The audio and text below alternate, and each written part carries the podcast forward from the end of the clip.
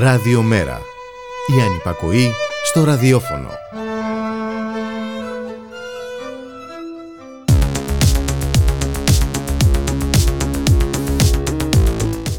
Γεια σας. Ε, αγχώστηκα να φτάσω στο στούντιο. Τελευταία στιγμή με είχε πάρει ο ύπνος σας προκάτω να γελάσετε και τελευταία στιγμή συνειδητοποίησα ότι έχω εκπομπή. Και μόλις έφτασα όχι τώρα, πριν πέντε λεπτά. Λοιπόν, ένα άλλο παρλαφούσι ξεκινάει σήμερα με την Πάολα Ρεβενιώτη, αρχισυνταξία Τάκης Κουρκουρίκης και ήχο Χαρά Στόκα.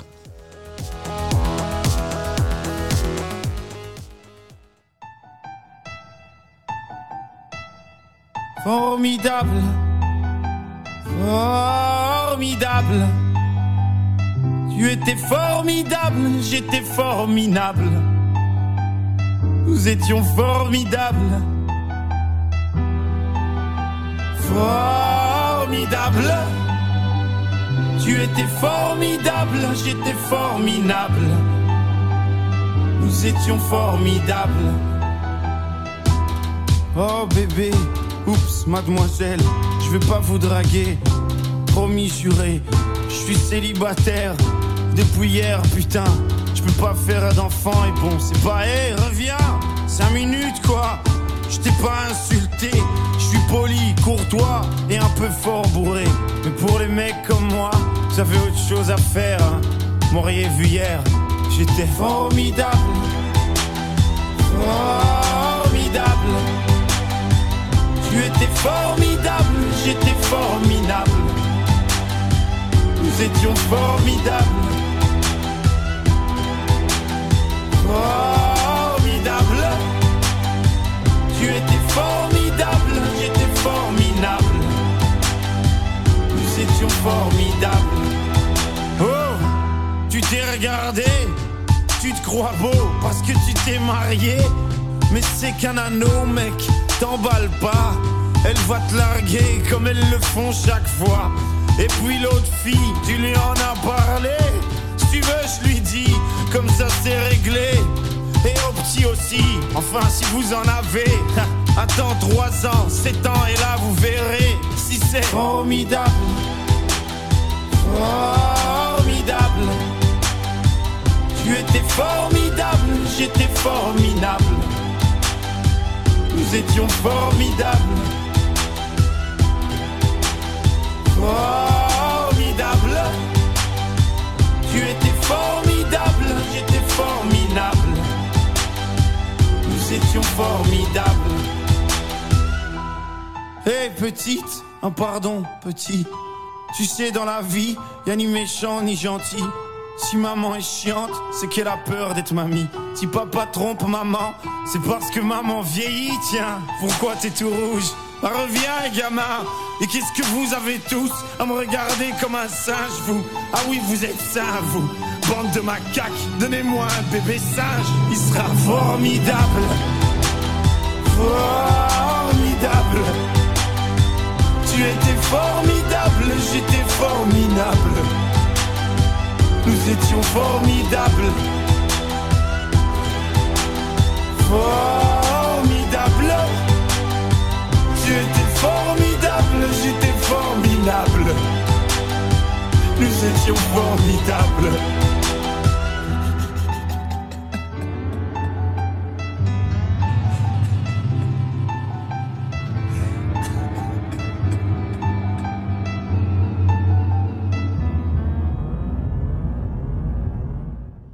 Είπα να ξεκινήσω με ένα τραγούδι που ε, το διάλεξα εγώ, τα υπόλοιπα τα έχει διαλέξει ο καλεσμένος μας που είναι ένας εξαιρετικός φίλος, καθηγητής γλωσσο- γλωσσολογίας στο Πανεπιστήμιο Αιγαίου, τον Κώστα Κανάκη, τον οποίον τον έχω και στην άλλη άκρη της τηλεφωνικής γραμμής.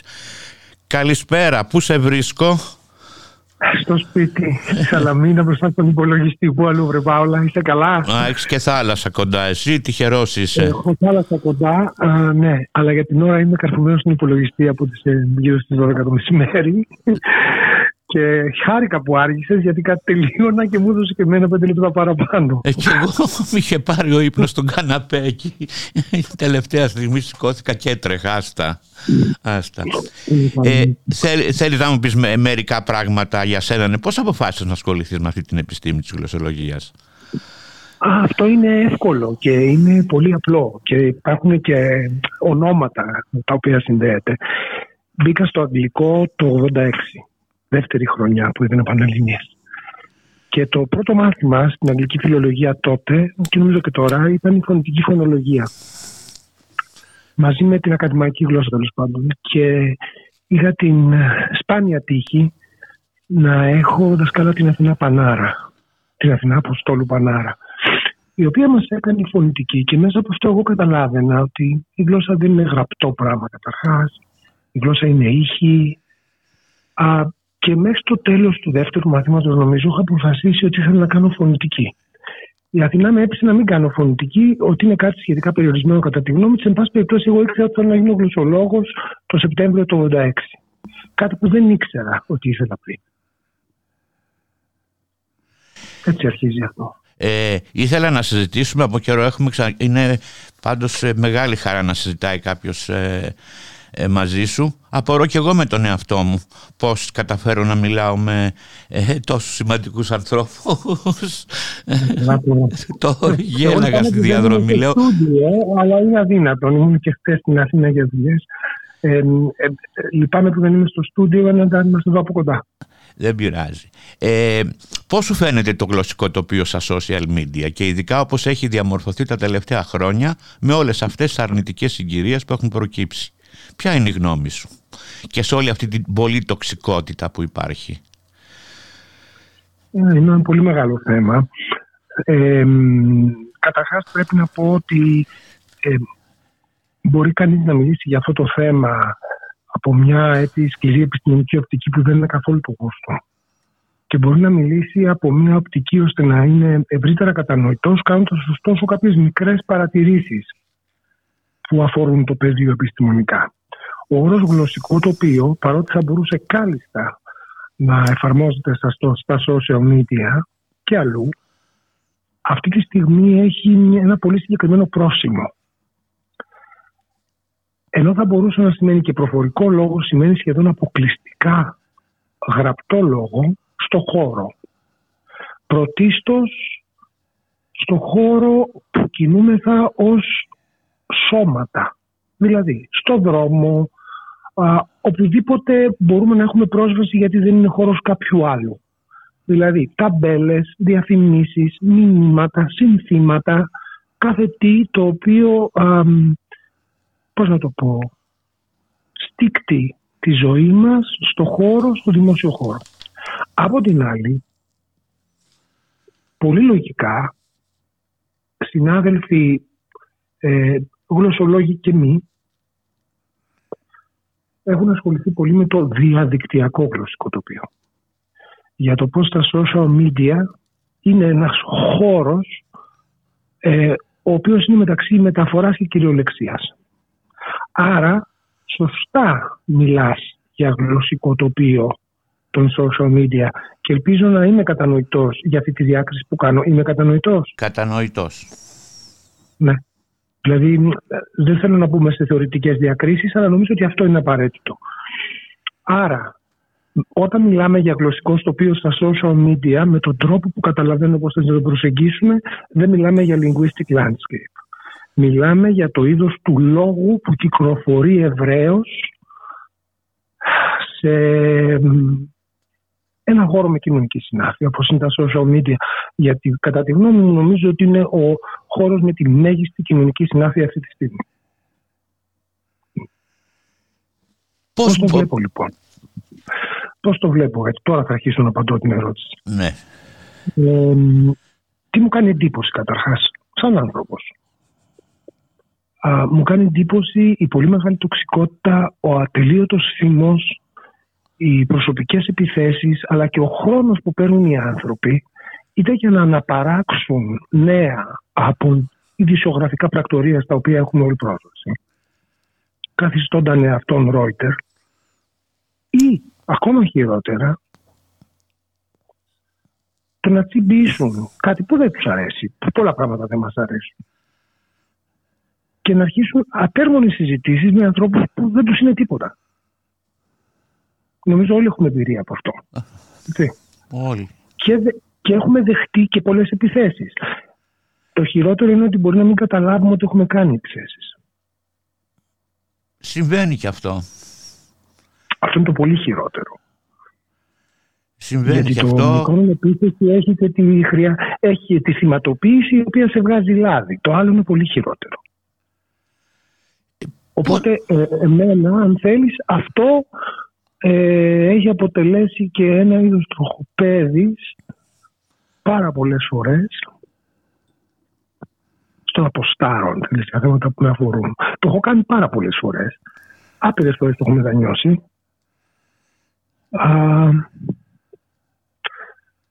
από την άλλη μεριά υπάρχει και η οπτική που σου λέει ότι σε περιστάσεις ε, πώς να το πω αθρυλώδους δυσπραγίας αλλά και ελλείμματος δημοκρατίας πρωτοφανούς όχι μόνο εδώ αλλά παντού ε, η διέξοδος αυτή η οποία έχει τεχνολογικό υποστήλωμα και που πλέον είναι φτηνή. Δεν ήταν πάντα φτηνή, σωστά; Θυμάσαι όταν δεν ήταν προφανές ότι μπορούμε να έχουμε Ιντερνετ στο σπίτι; Όχι.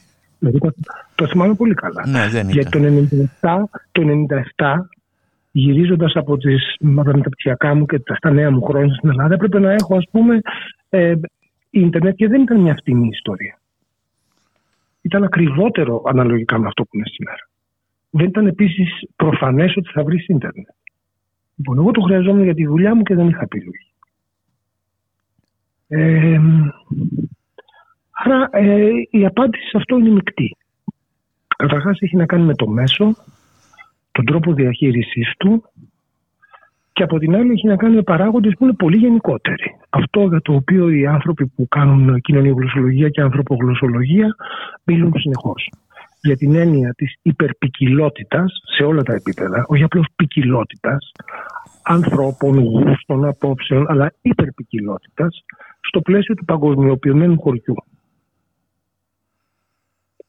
Αυτό σε σχέση με το διαδίκτυο και την ταχύτατη μετάδοση ε, απόψεων που είτε είναι ευχάριστα νέα, είτε είναι δυσάρεστα νέα, είτε είναι τοξικές επιθέσεις, έχει πρωτοφανή ε, ταχύτητα μετάδοσης και εξάπλωσης. Είναι τρομακτικό μερικές φορές ε, και εγώ έχω τρομάξει μερικές φορές με πράγματα τα οποία έχω γράψει και ξύπνησα την άλλη μέρα και πώς δεν με ρίξανε σε κάποια πειρά ας πούμε για κάτι που μπορούσα να πω και δεν το έκφρασα σωστά. Είναι τρομερό μερικές φορές. Ωστόσο, ωστόσο το ίδιο το μέσο, το ίδιο το μέσο ε, είναι σαν να σε προσκαλεί. Δεν θα πω να σε προκαλεί, θα πω απλά να σε προσκαλεί. Τώρα αν σε προκαλεί το ξέρω ο καθένα ξεχωριστά. Είναι πιο ιδιαίτερο.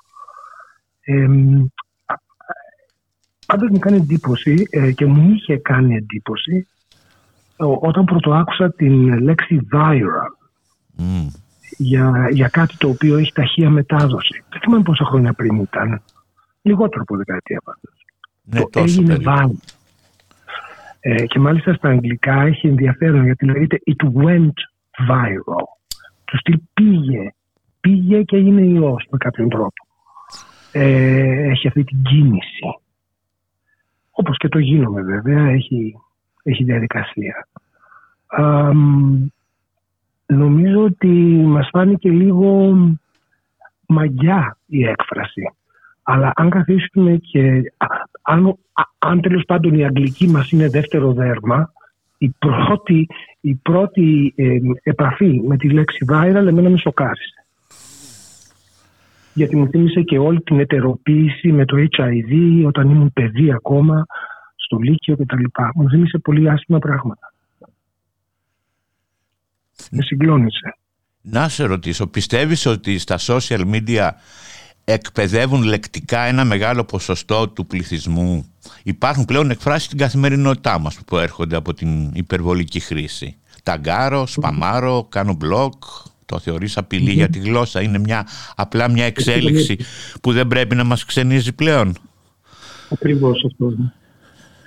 Όχι, δεν υπάρχουν, δεν υπάρχουν απειλές για τη γλώσσα. Δεν μπορεί να απειλείται ένα, μια νοητική ικανότητα. Η γλώσσα είναι μια νοητική ικανότητα που μπαίνει σε κοινωνική χρήση. Δεν μπορώ να καταλάβω τι μπορεί να είναι η απειλή προς αυτό. Παρά μόνο οι λογοτομές διαφόρων ειδών. Δηλαδή, ναι, πράγματι, αν σου πέμβουν στον εγκέφαλο, μπορεί κάτι να μην λειτουργεί νευρονικά. Η γλώσσα έχει να κάνει με νευρώνες, κατά τη γνώμη μου, σε πρώτη φάση.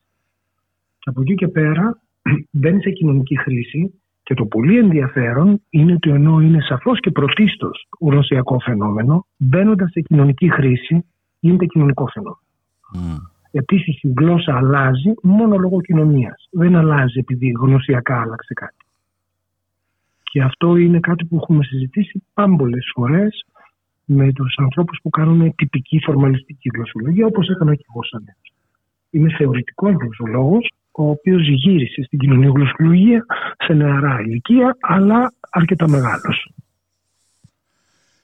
Να ακούσουμε ένα τραγούδι και να συνεχίσουμε. Παρακαλώ.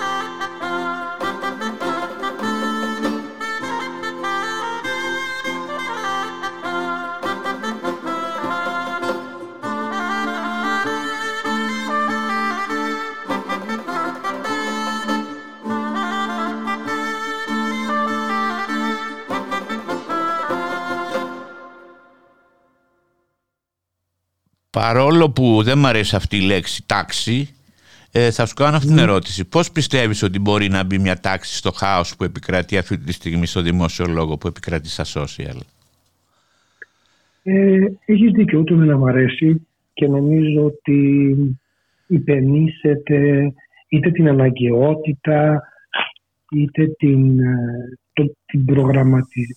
είτε τον προγραμματισμό πολύ συγκεκριμένων δράσεων και έχουμε πλέον γκώση που λέμε και λαϊκά από τέτοιες δράσει και δεν θα ήθελα ούτε καν να το σκέφτομαι. Γι' αυτό και η προσωπική ευθύνη σε αυτή τη, φορά, σε αυτή τη φάση, σε παρακαλώ μην με βρεις για το προσωπική ευθύνη, όχι, όχι. κάθε δικαίωμα, ε, είναι τεράστια. Όχι για όλα τα άλλα. Να σου πω, τι συμπεράσματα μπορεί να βγάλει ένα. Για να μην κατηγορηθώ ότι υποστηρίζει το τελικό κράτος και θα πάθω τίποτα. Κατάλαβες, θα πάθω πανικό. Έχεις δίκιο. Τι συμπεράσματα μπορεί να βγάλει ένας γλωσσολόγος για το μέσο Έλληνα παρατηρώντας τον στα social media; Μπορείς να μου ξανακάνεις την ερώτηση, παρακαλώ. Λέω, παρατηρώντας ε, τα social media, ένας γλωσσολόγος, τι άποψη μπορεί να σχηματίσει για το, μέσο, για το μέσο, μέσο Έλληνα; Υπάρχει μεγάλη διαφορά σε ανθρω... στο μέσο Ευρωπαίο και πώς εκφράζεται λεκτικά; Πάνω κάτω οι άνθρωποι είναι... Ε, την πέρδεψα την ερώτηση. Τέλος πάντων, να την ξαναπώ. Όχι, κατάλαβα, νομίζω τώρα τι λέει. Απλά δεν σε άκουσα καλά. Τώρα ναι, σε ναι, κατάλαβα. Ναι, ναι. Ε, να το πιάσω από την αρχή ένας γλωσσολόγος ε, δεν μπορεί, δεν θέλει και δεν πρέπει να βγάλει συμπεράσματα για το μέσο Ωστόσο, σαν άνθρωπος, ένας γλωσσολόγος, όπως και ένας μη γλωσσολόγος, μπορεί να βγάλει άπειρα συμπεράσματα. Ε, αυτό που μπορώ να πω για το δεύτερο σκέλος της ερώτησης ναι. είναι ότι επειδή ακριβώ τυχαίνει να γράφω σε διάφορες γλώσσες, σε social σας media και εκτός Ελλάδος, σε τείχους ανθρώπων αν θέλετε στο facebook που συνήθως με απασχολεί περισσότερο, σε άλλες γλώσσες, στα σερβοκρατικά, στα δανέζικα, στα αγγλικά, στα ιταλικά. Πόσες γλώσσες ξέρεις; Ε, όχι πάρα πολλές, πολύ λιγότερες από ό,τι θα ήθελα.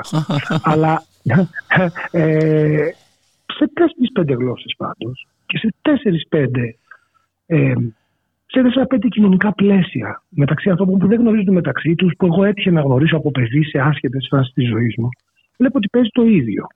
Βλέπω την πλάκα να γίνεται βιτριολική επίθεση πάρα πολύ εύκολα.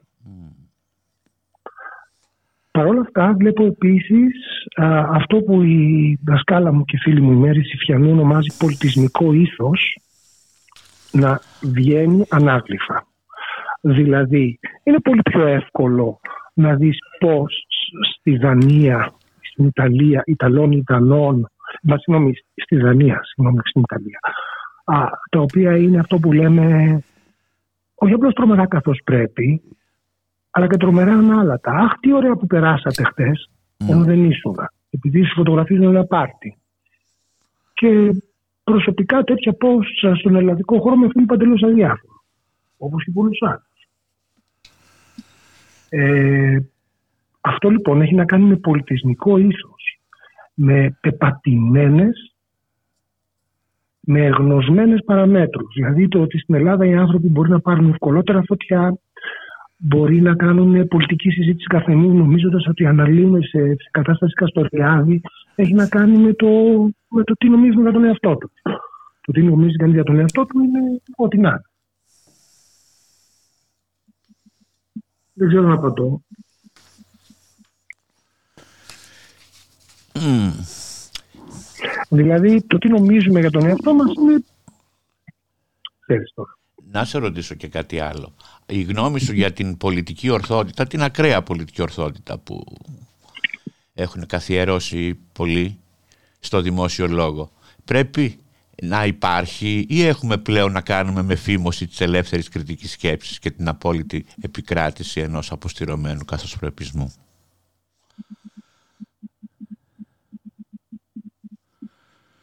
Ναι. Ε, εγώ ανήκω στους ανθρώπους που ήδη από το 1992-1994 ήμουνα εξαιρετικά προβληματισμένος με αυτό. Έχω γράψει ε, σε διάφορο σε διάφορες, με διάφορες ευκαιρίες ότι η, η πολιτική ορθότητα είναι απλώς τρομακτική. Γιατί είναι το καλύτερο όπλο στα χέρια του φασίστα, του τύπου που θέλει να ετεροποιήσει, να πατήσει τον άλλον για να βγει λάθη. Δεν έχω πολλά ακόμα να πω, ονονοητό. Το έχουμε δει στην Ελλάδα επίσης και με ιδιαίτερους τρόπους τρόπους οι οποίοι τελειοποιήθηκαν στο Ισραήλ του Νετανιάχου με το pink washing και εδώ στην επιτελική κυβέρνηση. Πες μου για τη δική σου εμπειρία πάνω σε αυτό. Ε, Θεωρώ καταρχάς ότι υπάρχουν δύο πράγματα που πρέπει να διαχωρίσουμε πολιτική ορθότητα δεν είναι η συμπερίληψη ας πούμε, των γυναικείων υποκειμένων στο λόγο, όταν έχεις φοιτήτρε να μην μιλάς μόνο για φοιτητές. Αυτό δεν είναι πολιτική ορθότητα, αυτό είναι κοινή λογική. Πολιτική ορθότητα είναι να φορμάρεις έτσι το λόγο σου επειδή σε έχουν δάσκαλέψει ώστε να δίνεις την καλύστη των εντυπώσεων.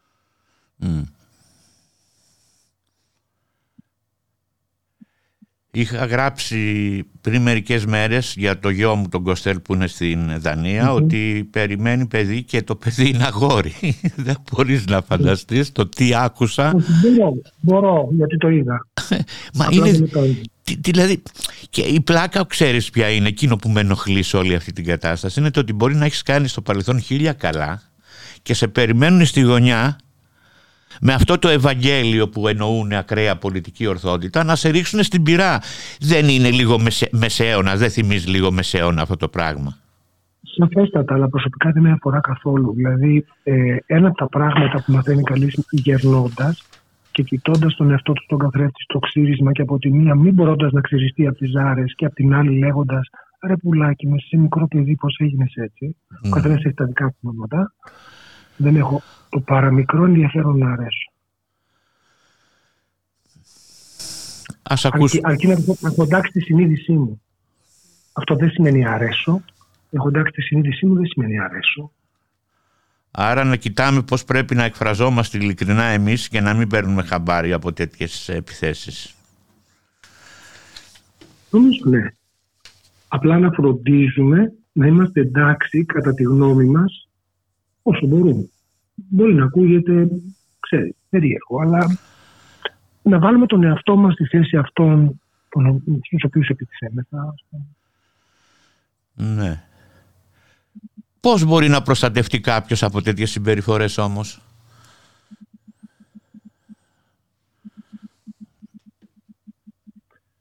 Νομίζω ότι δεν μπορεί να προστατευτεί. Δεν μπορεί. Α, α, μπορεί όμως Παύλα να αποφασίσει ότι δεν θα κάνει το ίδιο.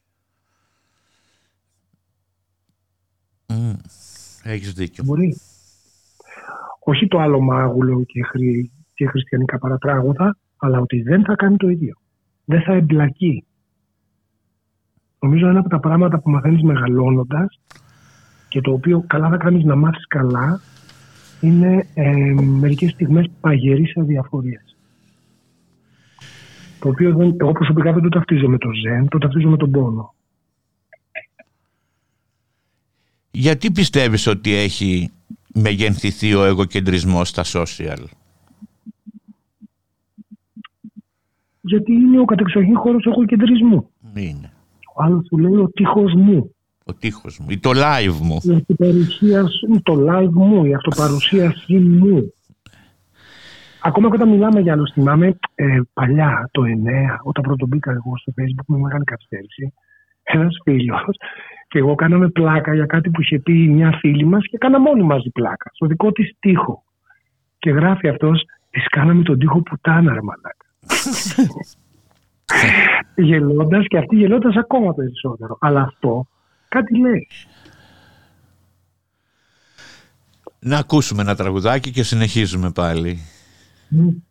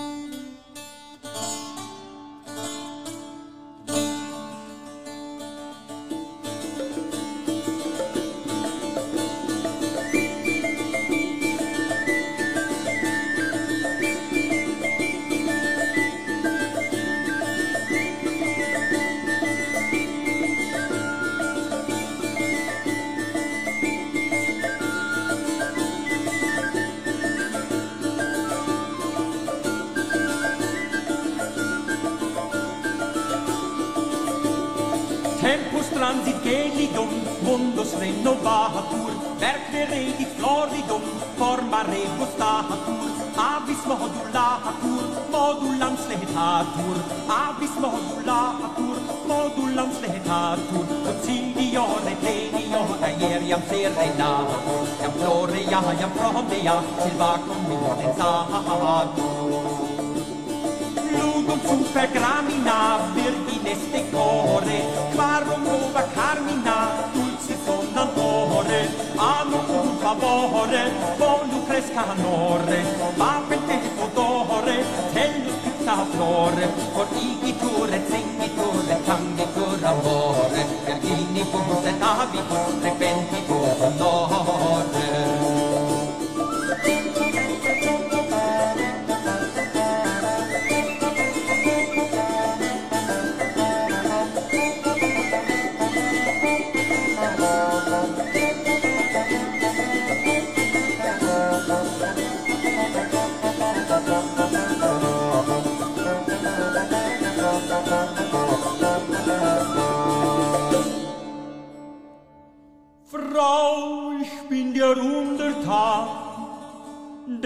lass mich genießen.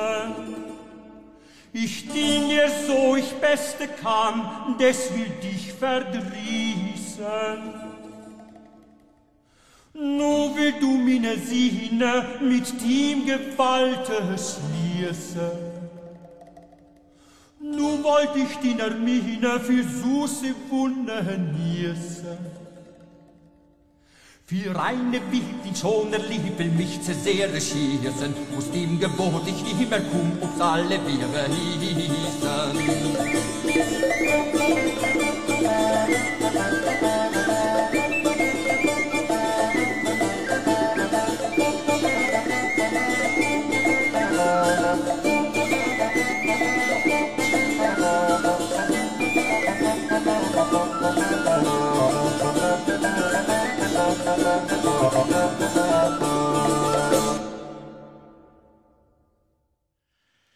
Ε, σεξισμός και ελληνικά social. Έχει αλλάξει το τοπίο τα τελευταία χρόνια. Γιατί ομοφοβία και κακοποιητικός λόγος σε ευάλωτες κοινωνικές ομάδες συνεχίζει και αναπαράγεται ακόμη από ό,τι βλέπω και από ό,τι παρατηρώ. Ναι, σωστά. Νομίζω ότι αυτό σχετίζεται και με την προηγούμενη ερώτηση. Ε, κατά τη γνώμη μου, οι αλλαγές είναι μεγάλες, κεφαλαιώδεις και αισθητές. Αυτό όμως δεν σημαίνει ότι μπορούμε να κάνουμε αξιολογικές κρίσεις του τύπου καλύτερα ή και του τύπου χειρότερα. Δεδομένης της πολιτικής ορθότητας ε, υπάρχουν άνθρωποι, πολλοί άνθρωποι, που θα φροντίσουν ο λόγος τους να είναι πιο εύπεπτος. Όπως ό,τι και αν σημαίνει αυτό, έτσι. Αυτό δεν σημαίνει ότι δεν υφέρπει ομοφοβία, γυνισμό ή οτιδήποτε άλλο. Είναι δύο διαφορετικά πράγματα. Δηλαδή, ε, προσπαθώ να πω ότι για μένα το face value, αυτό που βλέπεις δηλαδή στο λόγο, δεν σημαίνει πλέον τίποτα. Όπως δεν σημαίνει και για κανένα κοινωνιογλωσσολόγο.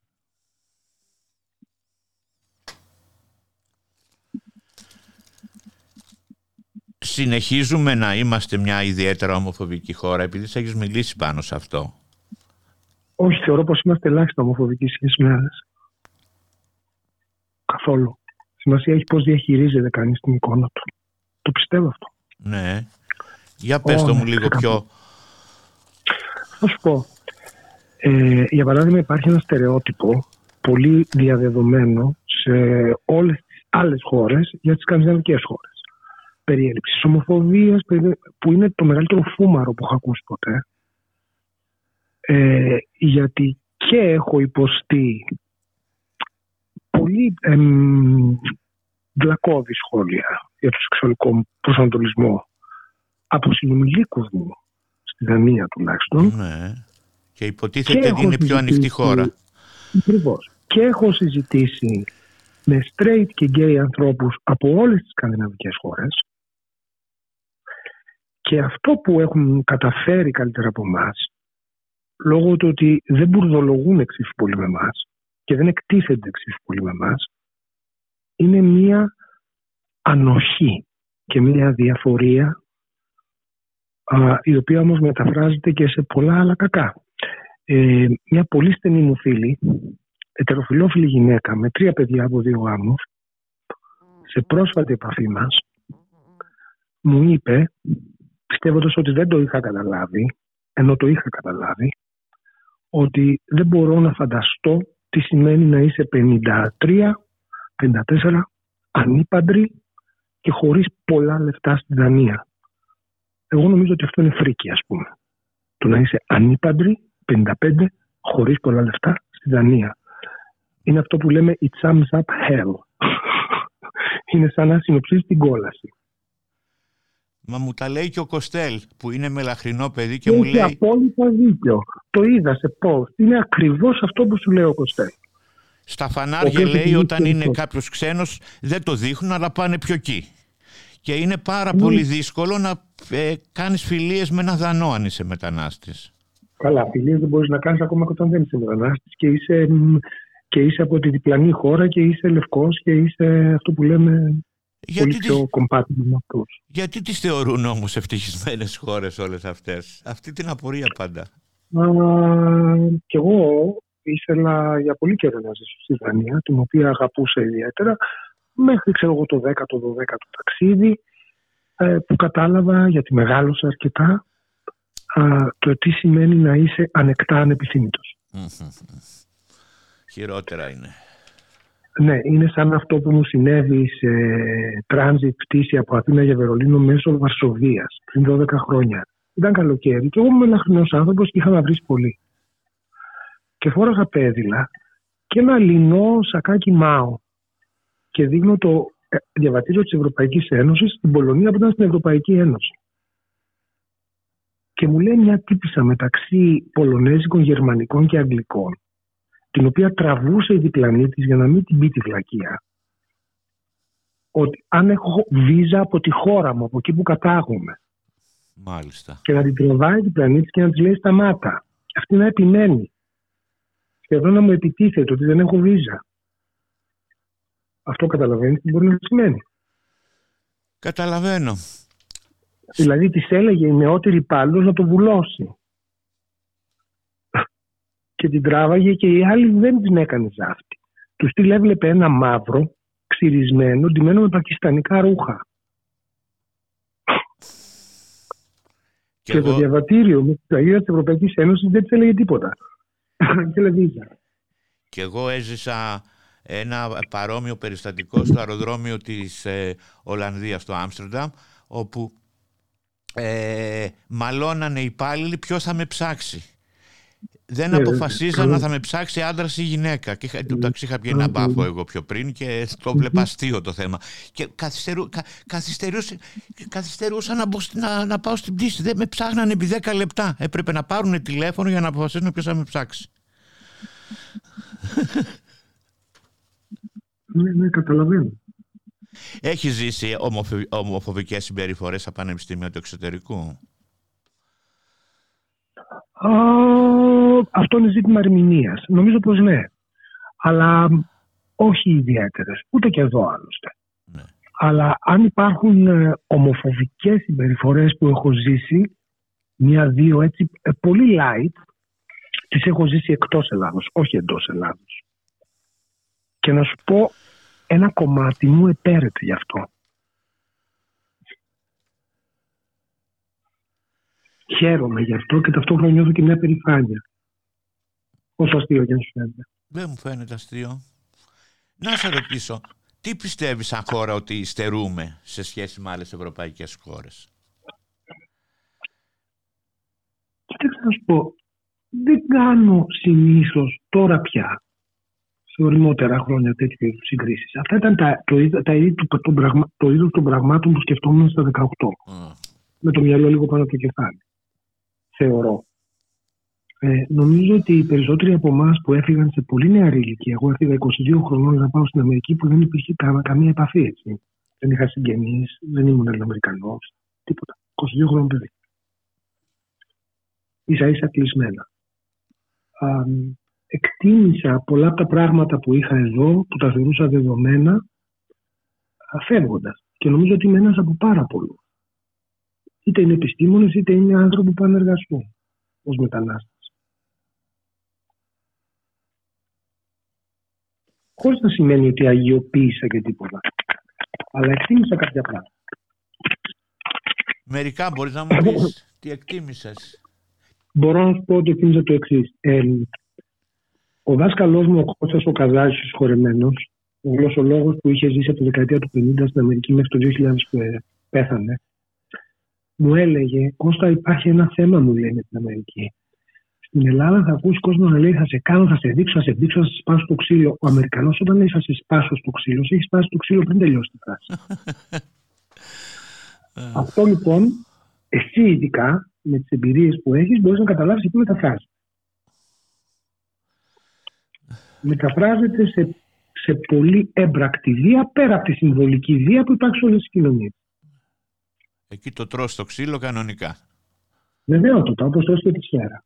Εδώ, εδώ πέρα θα σε απειλήσει ο άλλος, θα πιάσει το διάλογο. Θα το ρίξει το φιλότιμο στο τέλος, θα του πεις καμιά καλή κουβέντα, θα ηρεμήσει. Είναι κάπως αλλιώς. Ναι, είναι κάπως αλλιώς. Αυτό είναι ένα από τα πράγματα που εκτίμησα. Απ' την άλλη, εκτίμησα το άλλο. Ε, γύρω στα 20, 22 και 25, ε, ερχόμενος σε επαφή με όλους αυτούς τους λόγους, για ετερότητα, μετανάστευση, καταπίεση, ρατσισμό, ομοφιλοφιλία και, και ε, ετεροκανονικότητα, ό,τι θέλεις, κατάλαβα ότι υπάρχει λόγος για τον οποίο στον αγγλοσαξονικό κυρίως κόσμο και ευρύτερα στο δυτικό θεωρητικοποιήθηκαν ζητήματα σεξουαλικότητας και φύλου αλλά και δημιουργήθηκαν και κινήματα ειδικά για τον ομοερωτισμό. Δηλαδή, όταν δεν σε σταυρώνουν και δεν σε ρίχνουν στη φυλακή επειδή είσαι ε, ομοφιλόφιλο υποκείμενο, όπως δεν συνέβη ποτέ στην Ελλάδα δηλαδή, ή και οπουδήποτε στην Ευρώπη εκτός Αγγλίας, για να συνεννοούμεθα, είναι ένας λόγος για να μην υπάρχει κίνημα. Να ακούσουμε άλλο ένα τραγούδι. Τα Stonewall δηλαδή θέλουν πολύ πόνο ανθρώπων από πίσω. Που εδώ εξέλιπε. Τελικά. Εδώ ήταν πιο εύκολα τα πράγματα πιστεύεις, ε; Και ε, ο, πιο εύκολα. Δεν μπορώ να μιλάω για του άλλου ανθρώπους, αλλά σίγουρα δεν σε πετάγανε στη στενή. Ναι, ναι. Ε, εκτός αν ήσουν πολύ φτωχός που αντιμετώπιζες που αντιμετώπιζες, που, αντιμετώπιζες, που είχες μια άλλη αντιμετώπιση. Ναι, ενώ στην Αγγλία πέταξαν στη στενή τον Όσκα Βάιλ, ναι. που δεν ήταν καθόλου φτωχό, αλλά ακόμα και τον, και τον Τσούρι, που τους έλειπε το ενίγμα. Ε, εκεί δεν ήταν ποτέ ταξικό, ήταν καθαρά μίσος. Εδώ ήταν πάντα ταξικό. Λοιπόν, εδώ ήταν πάντα ταξικό. Ναι. Πάρα πολύ δίκαιο. Γιατί και στην εποχή του Παπαδόπουλου η γυναίκα του έκανε παρέα με δύο διάσημους έτσι, ε, που φτιάχνανε ρούχα και την τίνανε, οι οποίοι ήταν ανοιχτά ομοφιλόφιλοι. Δεν τους πείραξε ναι. κανένας. Όχι. Γιατί, γιατί υπήρχε αυτό το μίσος στην Αγγλία όμως ρε παιδί μου; Πολύ μίσος. Δηλαδή ακόμη και αυτό είναι τον... Ε, Νομίζω ότι ο, ο, ο Μόση που έχει γράψει για τη σεξουαλικότητα σε σχέση με την αστική αξιοπρέπεια στο δυτικό κόσμο του 19ο έχει κάνει τον, τη μνημειοδέστερη μελέτη πολλών, πολλών τόμων, παρότι δεν θεωρείται ένας, θεωρείται πολλά, για αυτό το ζήτημα. Θα τα πω πιο ιδιωτικά. Κάποιοι από αυτούς που μας ακούνε μπορεί και να τα ξέρουν, να μην γίνω βαρετός. Είναι μεγάλο, μεγάλο χαρτί αξιοπρέπεια γιατί πάει με θρησκεία, πάει με οικονομία, πάει με υπόλοιψη στη γειτονιά. Τα ξέρεις τώρα αυτά. Βλέπουμε και πώ τα λέω. Να ακούσουμε άλλο ένα τραγούδι και συνεχίζουμε. Ναι.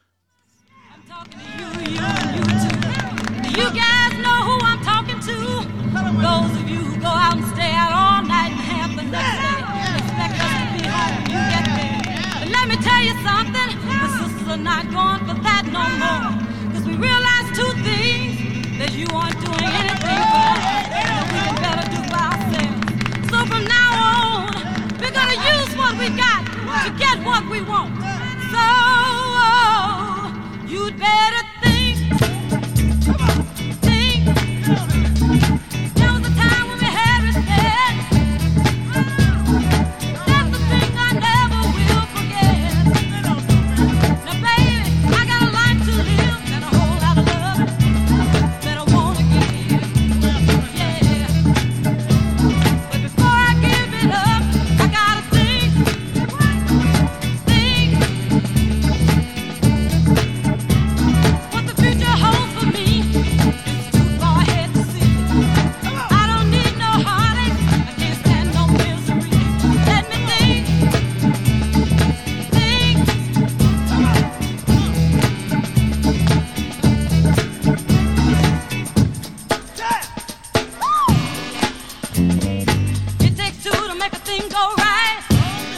It takes two to make it out of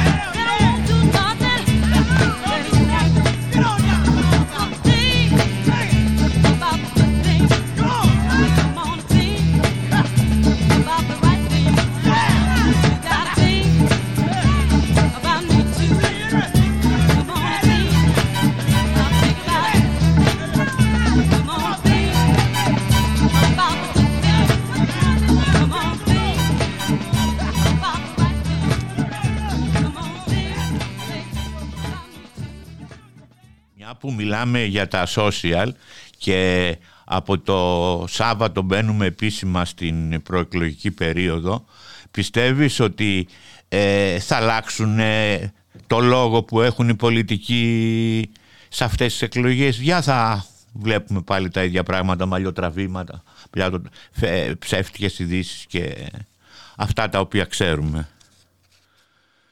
Θα βλέπουμε τα ίδια πράγματα νομίζω. Τα ίδια, ε. Δεν έχω καμία ελπίδα. Απολύτως καμία. Mm. Δεν νομίζω ότι έχω λόγο να έχω καμία ελπίδα. Πάει αντίθετα στην εμπειρία που έχω ως άνθρωπος μέχρι τώρα.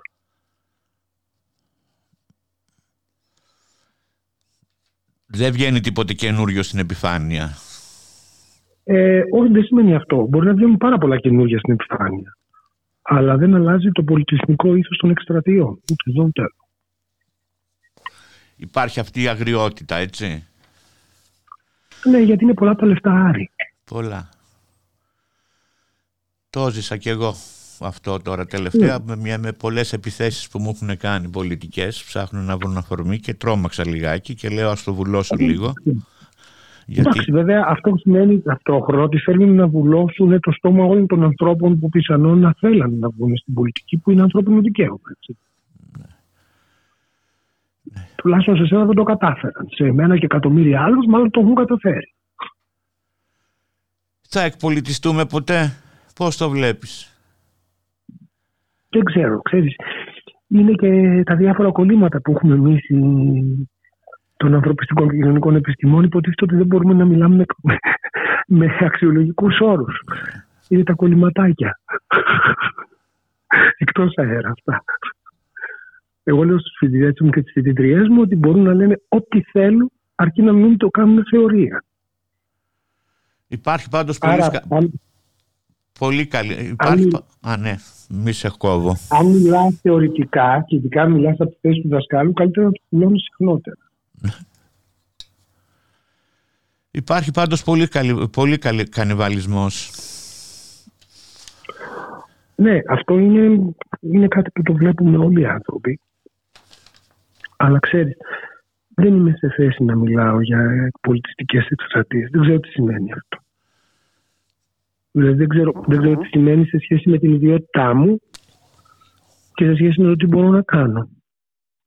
Ε, ξέρω ίσως τι σημαίνει μόνο σε σχέση με τα προσωπικά μου πιστεύω ή την ηθική μου βάση η οποία για να είμαι ειλικρινής, επειδή έχω γίνει λίγο μηδενιστής μεγαλώνοντας, δεν αφορά κανέναν. Πέρα από μένα και τους φίλους. Έτσι δεν είναι.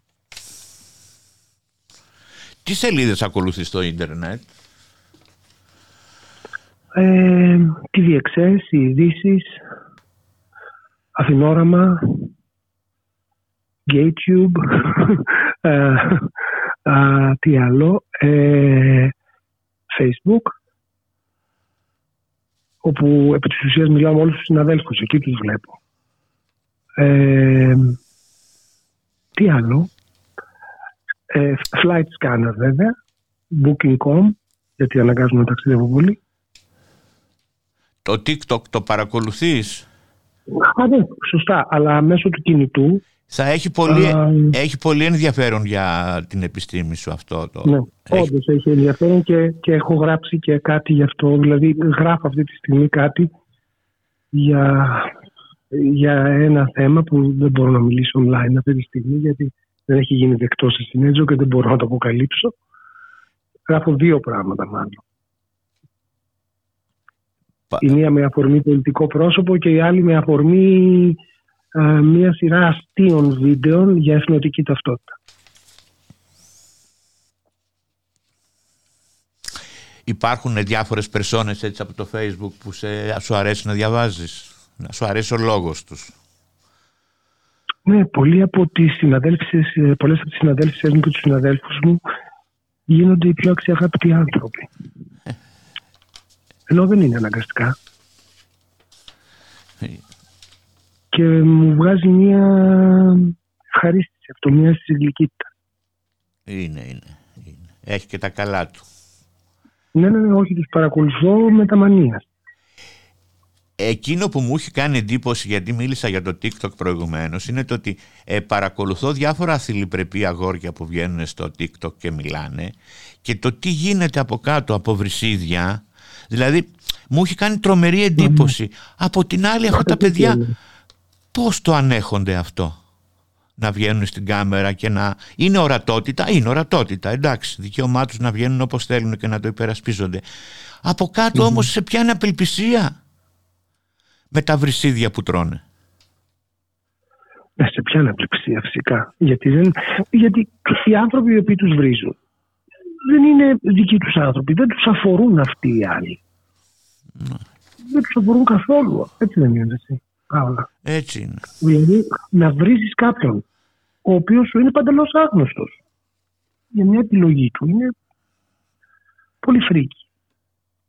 Τι κουβαλάνε στα κεφάλια τους δεν έχω καταλάβει ποτέ. Να Ναι, σου πω- τελικά γίνεσαι, σαν- γίνεσαι σαν την να μην πούμε πια δηλαδή. Ναι. Δεν, δεν, δεν μπορείς να καταλάβεις μερικές φορές τρομάζεις με το πώς σκέφτονται οι άνθρωποι. Απλά δεν, δεν πρέπει να κολλάει κανείς εκεί κατά τη Να μην τους παίρνει σοβαρά. Ακριβώς γιατί δεν μπορεί να κάνει τίποτα. Δεν μπορεί.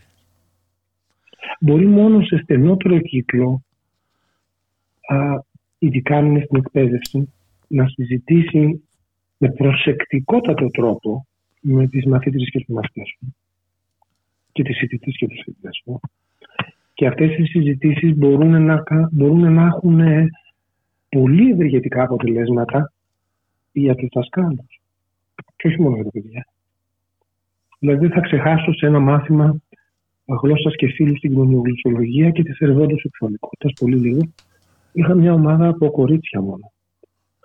8-9 σεμινάριο. Και ήταν η περίοδος που είχε δολοφονηθεί ο Γιακουμάκης. Και υπήρξε αίτημα πριν μπούμε στην τάξη να συζητήσουμε για αυτό το πράγμα. Ήταν από τις ωραιότερες στιγμές στην εκπαίδευσης. για μένα. Αισιόδοξα όλα αυτά και πολύ τρυφερά είναι. Αυτό ήταν τρομερά, τρομερά αισιόδοξο. Ναι. Α, αλλά δεν χρειάζεται να, να πεθάνει ένας Γιακουμάκης. Ας Με αυτόν ακούσουμε, τον τρόπο. Ναι, ας ακούσουμε άλλο ένα τραγούδι και θα συνεχίσουμε. Μπορώ να κάνω ένα αίτημα; Να κάνεις. Εάν είναι το τελευταίο τραγούδι, να είναι το τελευταίο της λίστας. Ωραία, το τελευταίο της λίστας. Ευχαριστώ. Παρακαλώ.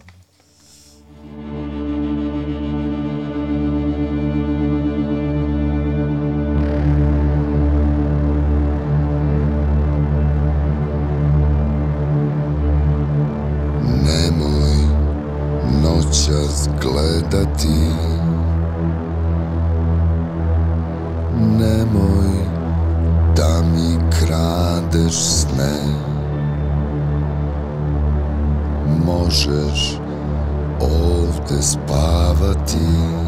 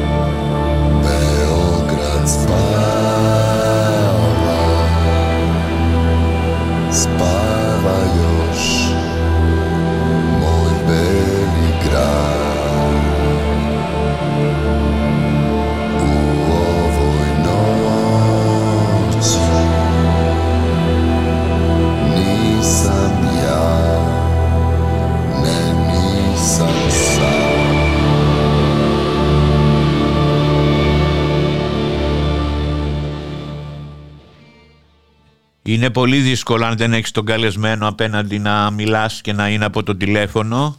Πάντα δυσκολευόμουν να, ε, να κάνω ραδιόφωνο με τέτοιο τρόπο, αλλά δεν να, μπορούσαμε να κάνουμε διαφορετικά. Ε, προσωπικά, να σου κάνω μια τελευταία ερώτηση. Εσύ προσωπικά τι βρίσκεις πιο αντιπαθητικό και εκνευριστικό στη χρήση του δημόσιου λόγου στα, στα ελληνικά social; Τι σου προκαλεί περισσότερο, έτσι, αλλεργία; Ε, να σκεφτώ. Ε, μόνο τι μου προκαλεί περιέργεια. Περιέργεια. Τι μου φαίνεται περίεργο. Χωρίς να σημαίνει ότι δεν το έχω κάνει κι εγώ. Πολλές φορές βλέπω κάποιο πώς. Ε, και σκέφτομαι Μα καλά, τόσο σημαντικό είναι για αυτόν τον άνθρωπο να το γράψει αυτό. Ε, με έναν πολύ αγαπημένο φίλο που είχα εδώ 25 ετία, Ελληνοαμερικανό, μου είπε ακριβώς την ίδια τάκα για τα δικά του posts. Και σκέφτηκα ότι έχω να πω ακριβώς το ίδιο για τα δικά μου. Άρα αυτό, που, αυτό για το οποίο έχω έτοιμο κάτι να σου πω είναι το, αν θέλεις, γιατί ποστάρουμε. Γιατί ποστάρουμε τόσο συχνά.